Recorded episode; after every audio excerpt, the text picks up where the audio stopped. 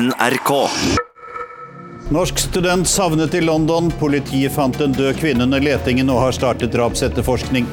Den hovedmistenkte er en milliardærsønn fra Jemen, men han har rømt fra landet.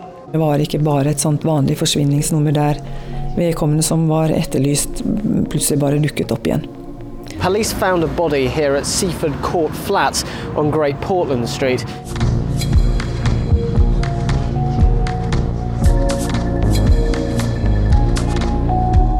Dette er del to av tre om drapet på Martine Vik Magnussen. Laget av Kaja Frøysa.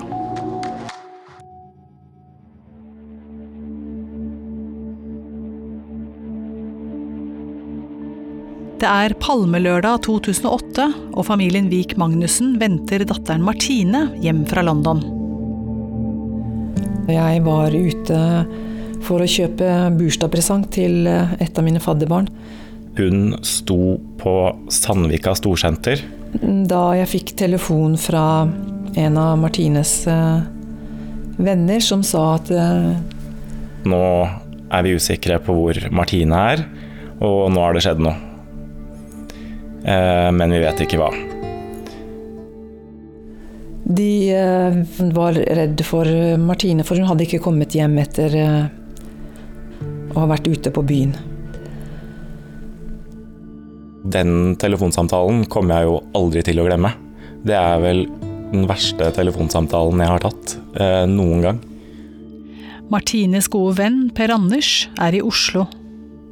Og så dro jeg hjem til henne og møtte moren og faren til Martine der.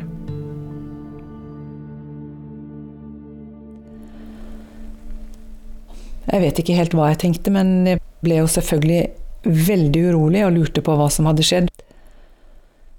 Og dette var veldig ulikt henne, at hun ikke ga lyd ifra seg, ikke svarte på meldinger. Alt var bare helt tyst.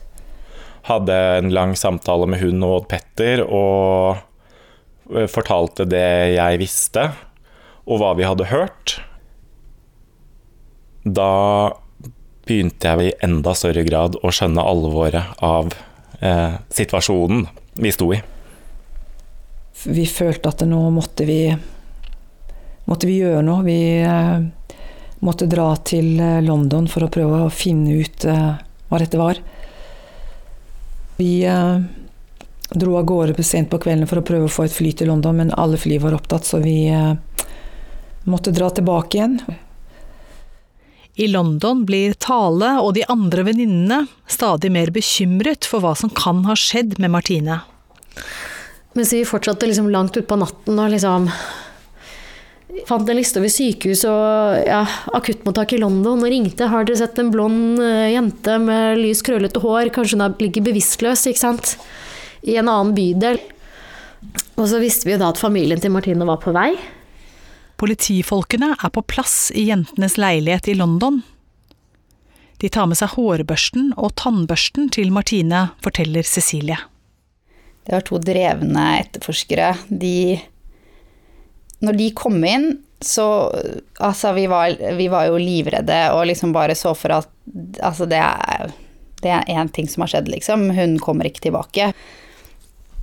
De dro derfra, så eh, var jo veldig mye mer positivt innstilt, da. De var veldig sånn på statistikk at liksom 98% av tilfellene så finner man personen um, Dette går bra, de bare er et eller annet sted. Et scenario var at de liksom De kunne bare ha reist, da. Uten å si fra. I Oslo samles Per Anders og resten av vennegjengen og gjør det de kan for å prøve å spore opp venninnen. Og vi tenkte jo at hun eh, var hos eh, en venninne vi ikke har fått tak i. Altså, I vår villeste fantasi at det var dette som hadde skjedd. Da venninnene forlot Martine på Maddox Club to dager tidligere, var hun sammen med studievennen Farouk. Nå er de begge borte, og mange rykter når også vennegjengen i Norge.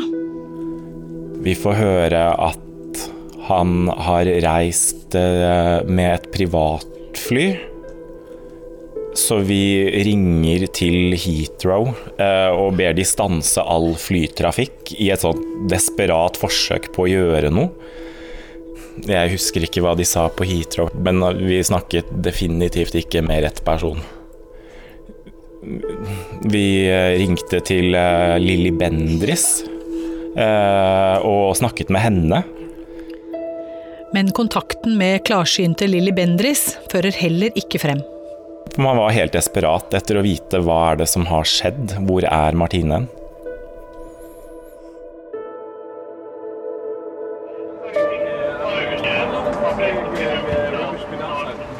Nå får jentene i London vite at politiet har vært inne i leiligheten til Farouk. De sa liksom 'he was in a hurry', and they left.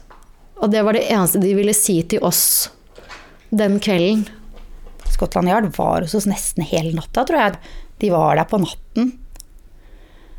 Vi hadde bestilt noe mat og prøvde å liksom få i oss noe greier som jeg tror bare ble stående.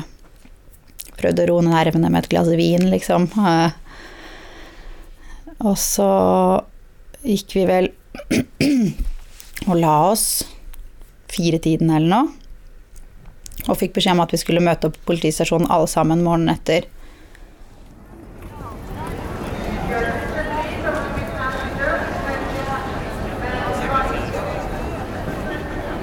Søndag morgen får hele familien til Martine plass på et fly til London. Dagen etterpå så besluttet vi at vi skulle dra alle fire, både Magnus, Mathilde, Petter og jeg, samlet til, til London. Eh, Vi dro av gårde, og da hadde jo saken tilspisset seg. Politiet hadde blitt eh, koblet inn, og man skjønte at her eh, kunne det ha skjedd når Det var ikke bare et sånt vanlig forsvinningsnummer der vedkommende som var etterlyst, plutselig bare dukket opp igjen. Så eh, de tankene vi hadde i hodet på veien over til eh, London, var jo veldig, veldig sprikende. Det var håp, det var tanker om at det verste kunne ha skjedd. Det var alt mulig. Det var en helt uvirkelig situasjon å være i. Vi eh, kom til Heathrow og ble mottatt av eh, politieskorte der, og det gjorde jo hele enda mer eh, uvirkelig. Så ble vi ble tatt hånd om veldig bra av det britiske politiet. At en ung jente ikke kommer hjem til sin egen leilighet etter en kveld på byen, er ikke noe som umiddelbart vekker London-politiets bekymring. Men nå velger vakthavende å ringe Jessica Wadsworth. Hun er sjefsetterforsker i mordavsnittet i Scotland Yard.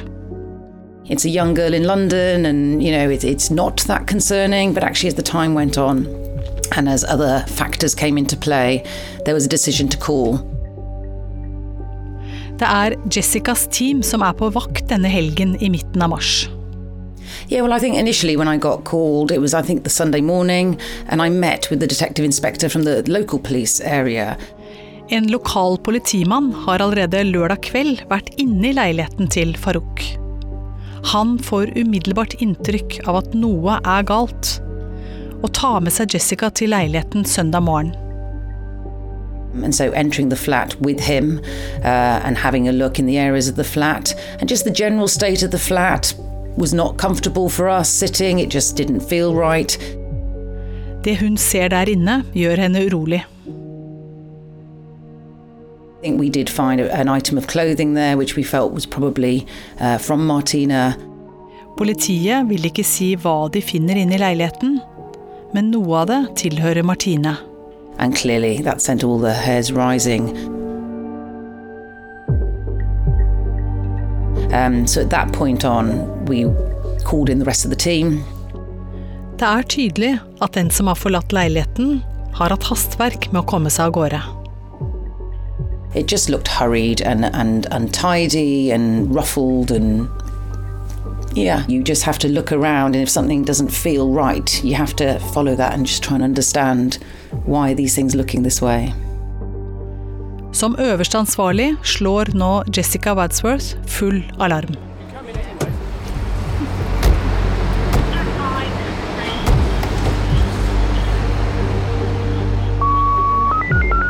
Politiet sender melding ut til Londons mange taxier og til politistasjoner over hele byen. We put calls out to the cabs, and you know, all. De sjekker også om de to vennene kan ha blitt arrestert en gang i løpet av natten. Went to detectives in the local um, borough very quickly, um, and they check hospitals and they we even check whether they've been taken into police custody and been arrested. All the reasons why a friend might not have heard. The police absolutely did that. Det eneste de vet sikkert, er at Martine var på nattklubben Maddox, og at hun var sammen med studiekameraten Farouk fra Jemen. We know that she was seen with Farouk, also trying to locate him as a way of locating uh, where she had gone that evening.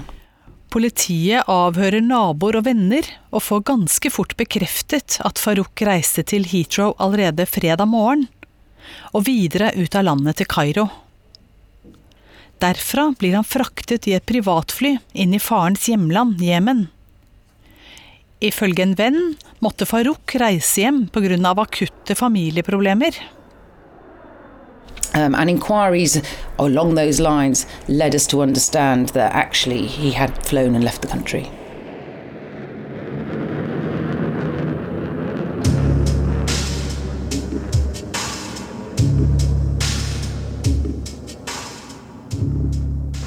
Farouk har ikke jemenittisk statsborgerskap, men kommer seg likevel inn i landet via farens enorme kontaktnett. Tale og tre av de andre jentene møter opp på den lokale politistasjonen klokken ti søndag morgen. Vi hadde liksom nesten ikke sovet på 48 timer, og vi var så bekymret. Vi var bare 23 år gamle. Vi fire dro dit for å møte politiet og familien til Martine, og ble egentlig bare loset inn på sånt bitte lite side, siderom. Uten vinduer og noen ting. Det var bare en dør og et sånt lite bord. Og tre stoler, husker jeg, for vi var byttet på å sitte på gulvet. For det var ikke stoler til alle. Og da satt vi kjempelenge. Og det kom liksom Det kom ingen, og vi var sånn Men hver gang vi spurte noen, så fikk vi bare litt sånn løse, høflige britiske standardfraser, egentlig. Samtidig er flere politifolk på plass i bygården der Farouk har en leilighet. Jessica gir ordre om at hele bygningen skal gjennomsøkes. Right, it's all about this building. Let's get into the communal areas, let's go into all the other areas, and let's at the moment try a search and just see what we find. And they started down in the basement area. Bygningen er under renovasjon, og politifolkene må bryte opp en stengt kjellerdør. In cases like this, you know, no door's going to remain closed to us. We have every right to put any door in that we feel a right to. So in that basement area, uh, the team absolutely went through all areas that they needed to go into. Innenfor kjellerdøren er det et søppelrom. Her, under bygningsmaterialer, ser politifolkene en hånd som stikker opp.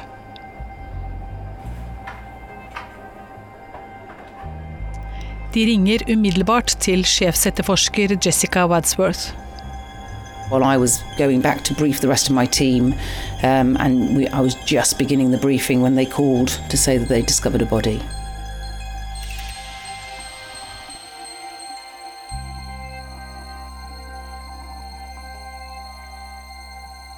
Samtidig blir Martines familie kjørt fra flyplassen til politistasjonen. Her blir de ført inn på et eget rom. Og vi satt inne på et lite rom og snakket med noen politifolk. Vi hadde en som het Brenda Pettit, som tok seg spesielt av oss, som jeg husker var en veldig varm og god kvinnelig politibetjent, som tok seg særdeles godt av oss. Og mens vi satt inne på dette rommet, så kom det da to alvorlige politimenn inn på rommet og kunne fortelle om funn de hadde gjort.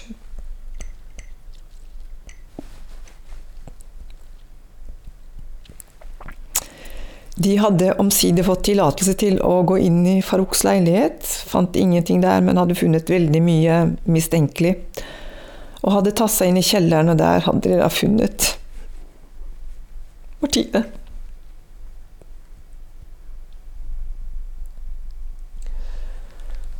Å få den beskjeden var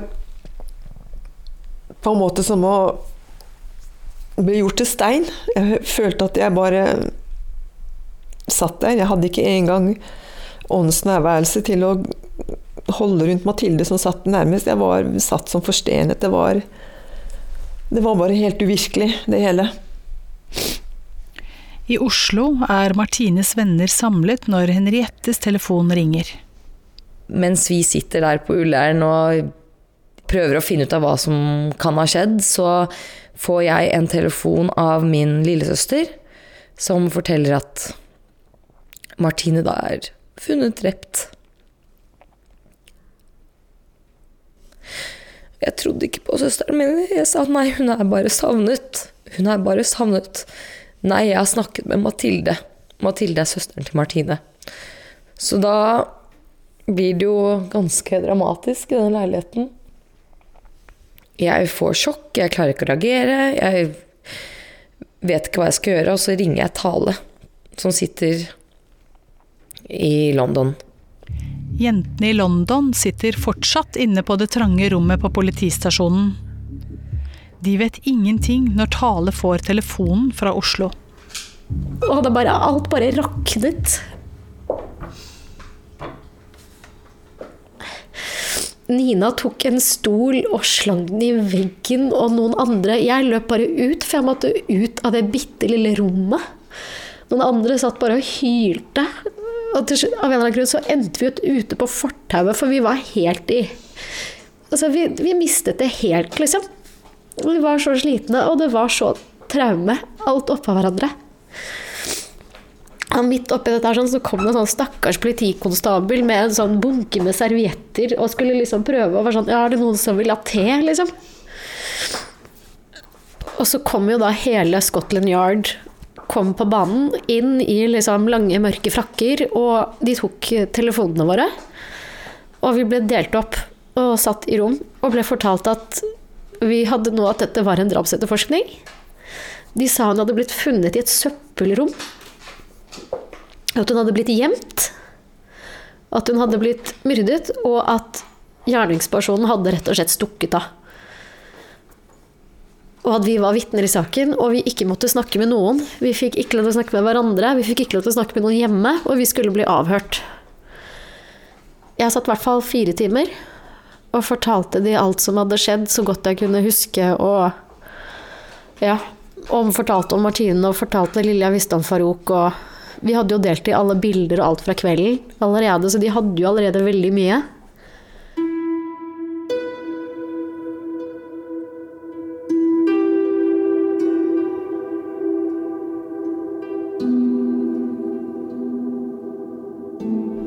Det var jo åtte stykker som var samlet hjemme hos Hedda når vi fikk beskjeden om hva som hadde skjedd med Martine.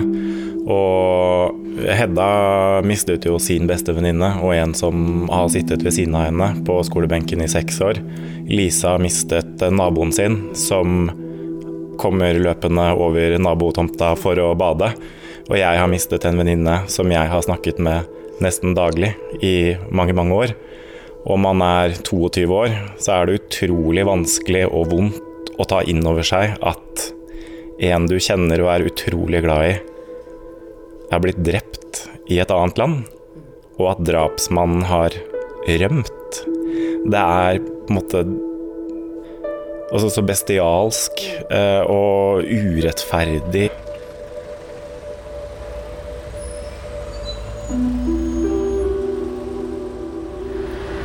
Det var her hun sist ble sett. På det fasjonable utestedet Maddox Police found a body here at Seaford Court Flats on Great Portland Street. Now, we don't know Norsk exactly student savnet i London. Politiet fant en død kvinne under letingen og har startet drapsetterforskning. She was seen leaving the nightclub at about three o'clock in the company of a male companion getting into a cab outside. That's believed to be the last time any of her friends saw her alive.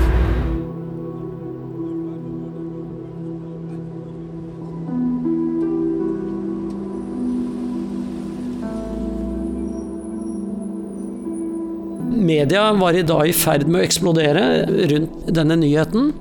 Det tar ikke lang tid før telefonen til Odd Peter Magnussen begynner å ringe. Han får telefoner fra både britiske og norske journalister. Og da anbefalte de meg å slå av telefonen, og så en, e, gikk de og kjøpte en egen telefon med et helt hemmelig telefonnummer. Og så eh, sa de fra i resepsjonen på hotellet at vi, eh, familien bor der, men vi fikk et helt nytt dekknavn, slik at ingen i media skulle klare å nå oss. Vi ble jo nedringt av pressen. Og de var jo hacket seg inn på altså, gmailen min. Jeg fikk hele tiden beskjed om at den hadde blitt hacket, og det var liksom bare Det var et kaos, liksom, i vaken av dette her, som ikke lignet. Så jeg endte opp med rett og slett skru av telefonen min. Jeg husker de ringte hjem på hustelefonen. Petter og jeg ble innkalt eh, til et møte, bare vi to med Jessica Wadsworth. Og jeg glemmer aldri det hun sa. Hun lovet oss at dette her, det skulle de løse. Og de um, ordene der, de sitter fast i meg. Sjefsetterforsker Jessica Wadsworth er tett på familien disse dagene. You want to make this as easy as you can for them. So they were taken through what would now be happening and how this would go.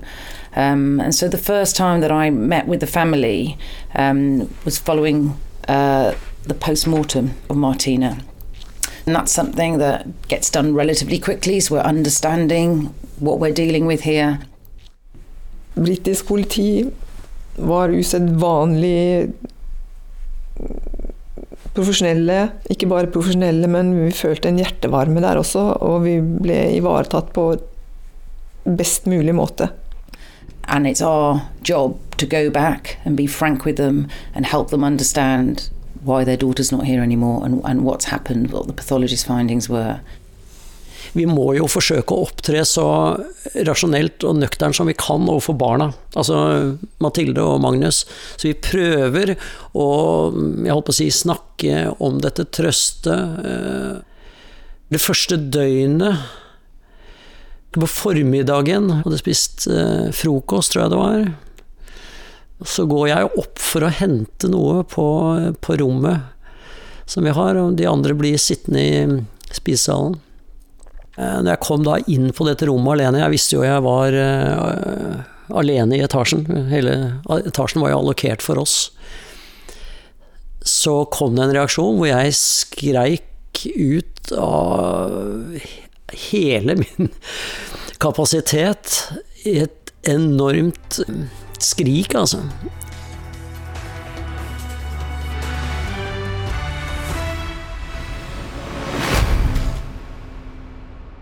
I dag ble det bekreftet at det var 23 år gamle Martine Wiik Magnussen fra Asker som ble funnet drept i en bygård i London i går, etter at hun hadde vært savnet siden natt til fredag.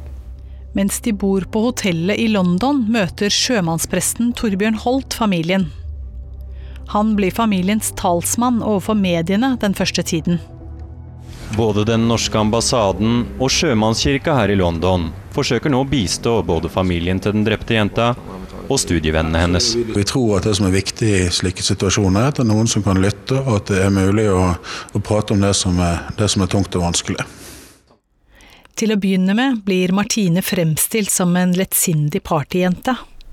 Spesielt de engelske avisene de gikk jo ut med at uh, Martine var en socialite som levde livet og kom fra velstående kår, og det var helt feil fremstilling av henne, for hun kom jo Det var ikke noe high life etter at vi eh, hadde fått den fatale beskjeden, så spurte Scotland Yard om jeg hadde lyst til å komme med en pressemelding eh, som kunne da liksom eh, moderere noen av de første presseoppslagene rundt denne mer sensasjonelle delen av, eh, av, av dette med Martine som socialite. og de første bildene pressen bruker av henne, er festbilder som er hentet fra Facebook.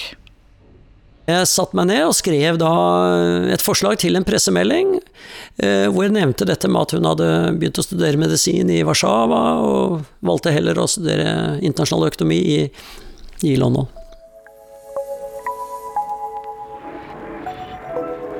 Odd Petter har tatt med det bildet av Martine hun selv ønsket å ta hos fotograf, sommeren et halvt år tidligere.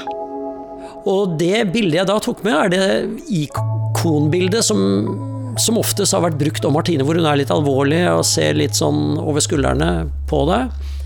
Politiet hjelper foreldrene med å skape et mer sannferdig bilde av jenta deres.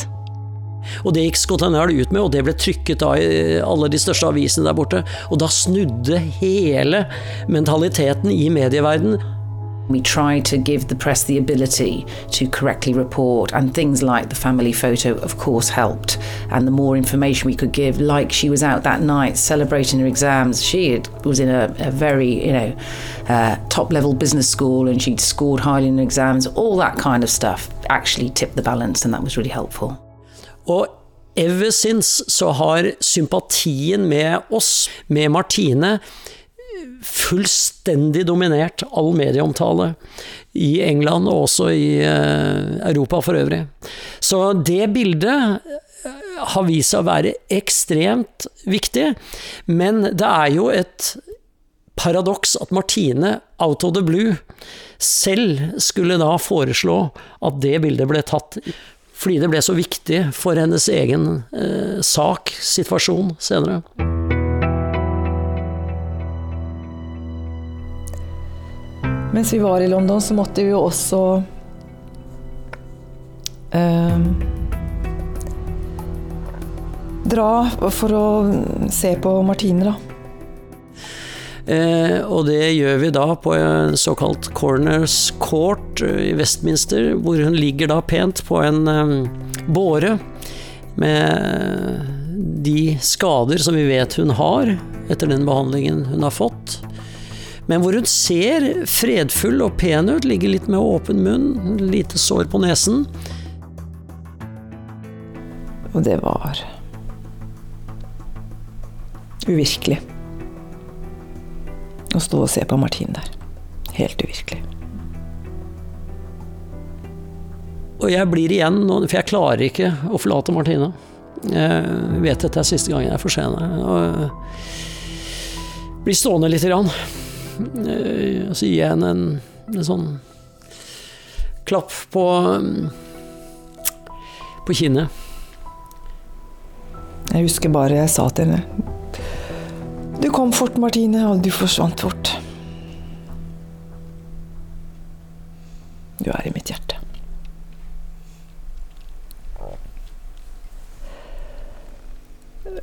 Petter og jeg, vi måtte også dra til leiligheten der Martine hadde bodd, for å samle sammen alle eiendelene hennes. Jeg hadde jo grudd meg veldig til å gjøre dette her, for jeg tenkte at det også ville bli en traumatisk opplevelse.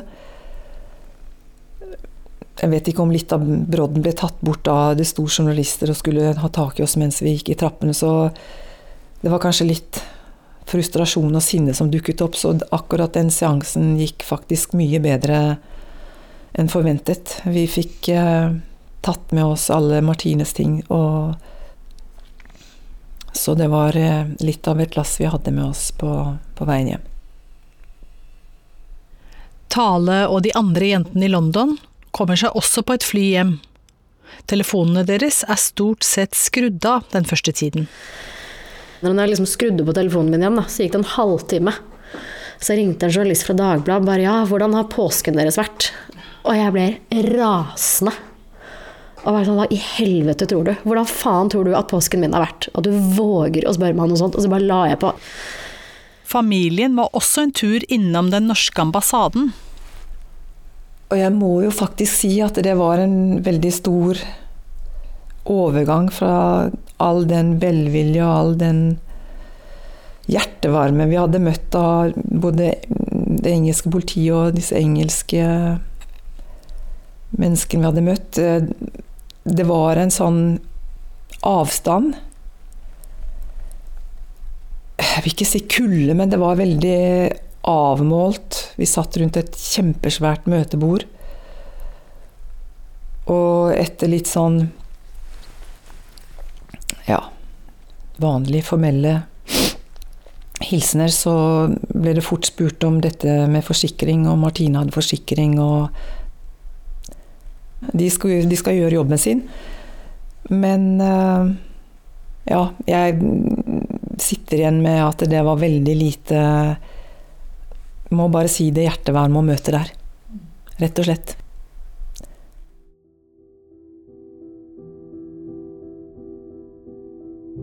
Det skal ta hele seks uker før familien får Martines båre hjem til Norge. Det skulle vise at det tok eh, veldig lang tid før hun i det hele tatt uh, kunne sendes hjem. Det var masse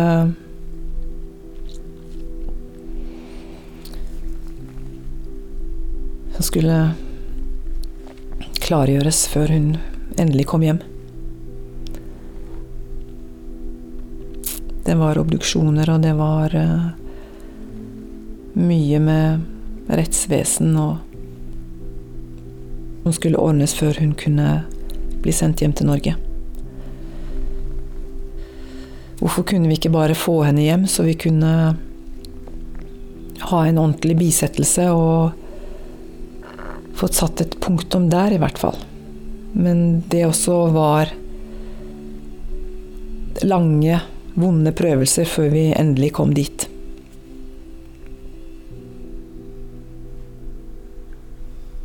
Livet går jo videre. Verden stopper ikke opp fordi at, at min venninne er død. Og det syns jeg var veldig rart på den tiden der. Bussene gikk, folk gikk på jobben. Henriette har mistet barndomsvenninnen sin. Det er det eneste som betyr noe for henne nå. Hvor, hvorfor i all verden går den bussen eller den bilen? Det har jo skjedd noe helt grusomt nå. Altså, det må stoppe opp. Det var det jeg følte veldig på, da. Men det stopper jo ikke opp.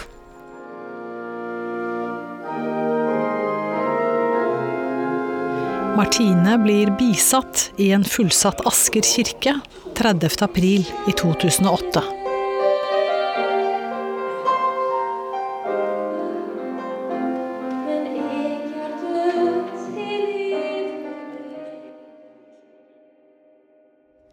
Tre måneder etter bisettelsen endrer Scotland Yard statusen til Martines studievenn Farouk.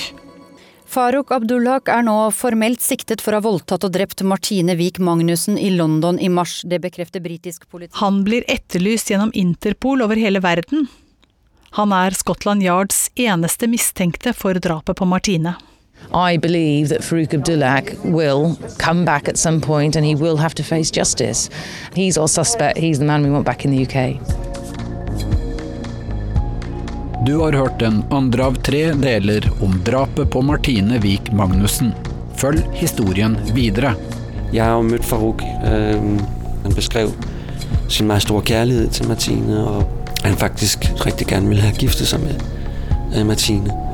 En dansk sikkerhetsrådgiver i Jemen sier Farouk tilsto drapet til ham. Farouk har jo erkjent. Det er skjedd det, der er skjedd. Han har slått ham ihjel. Denne serien er laget av Kaja Frøysa og lyddesigner Kjetil Hansen. Produsenter Line Alsaker og Kjetil Saugestad. Redaktør Siril Heierdal. Det har ikke vært mulig å få kontakt med den mistenkte Farouk Abdulhak.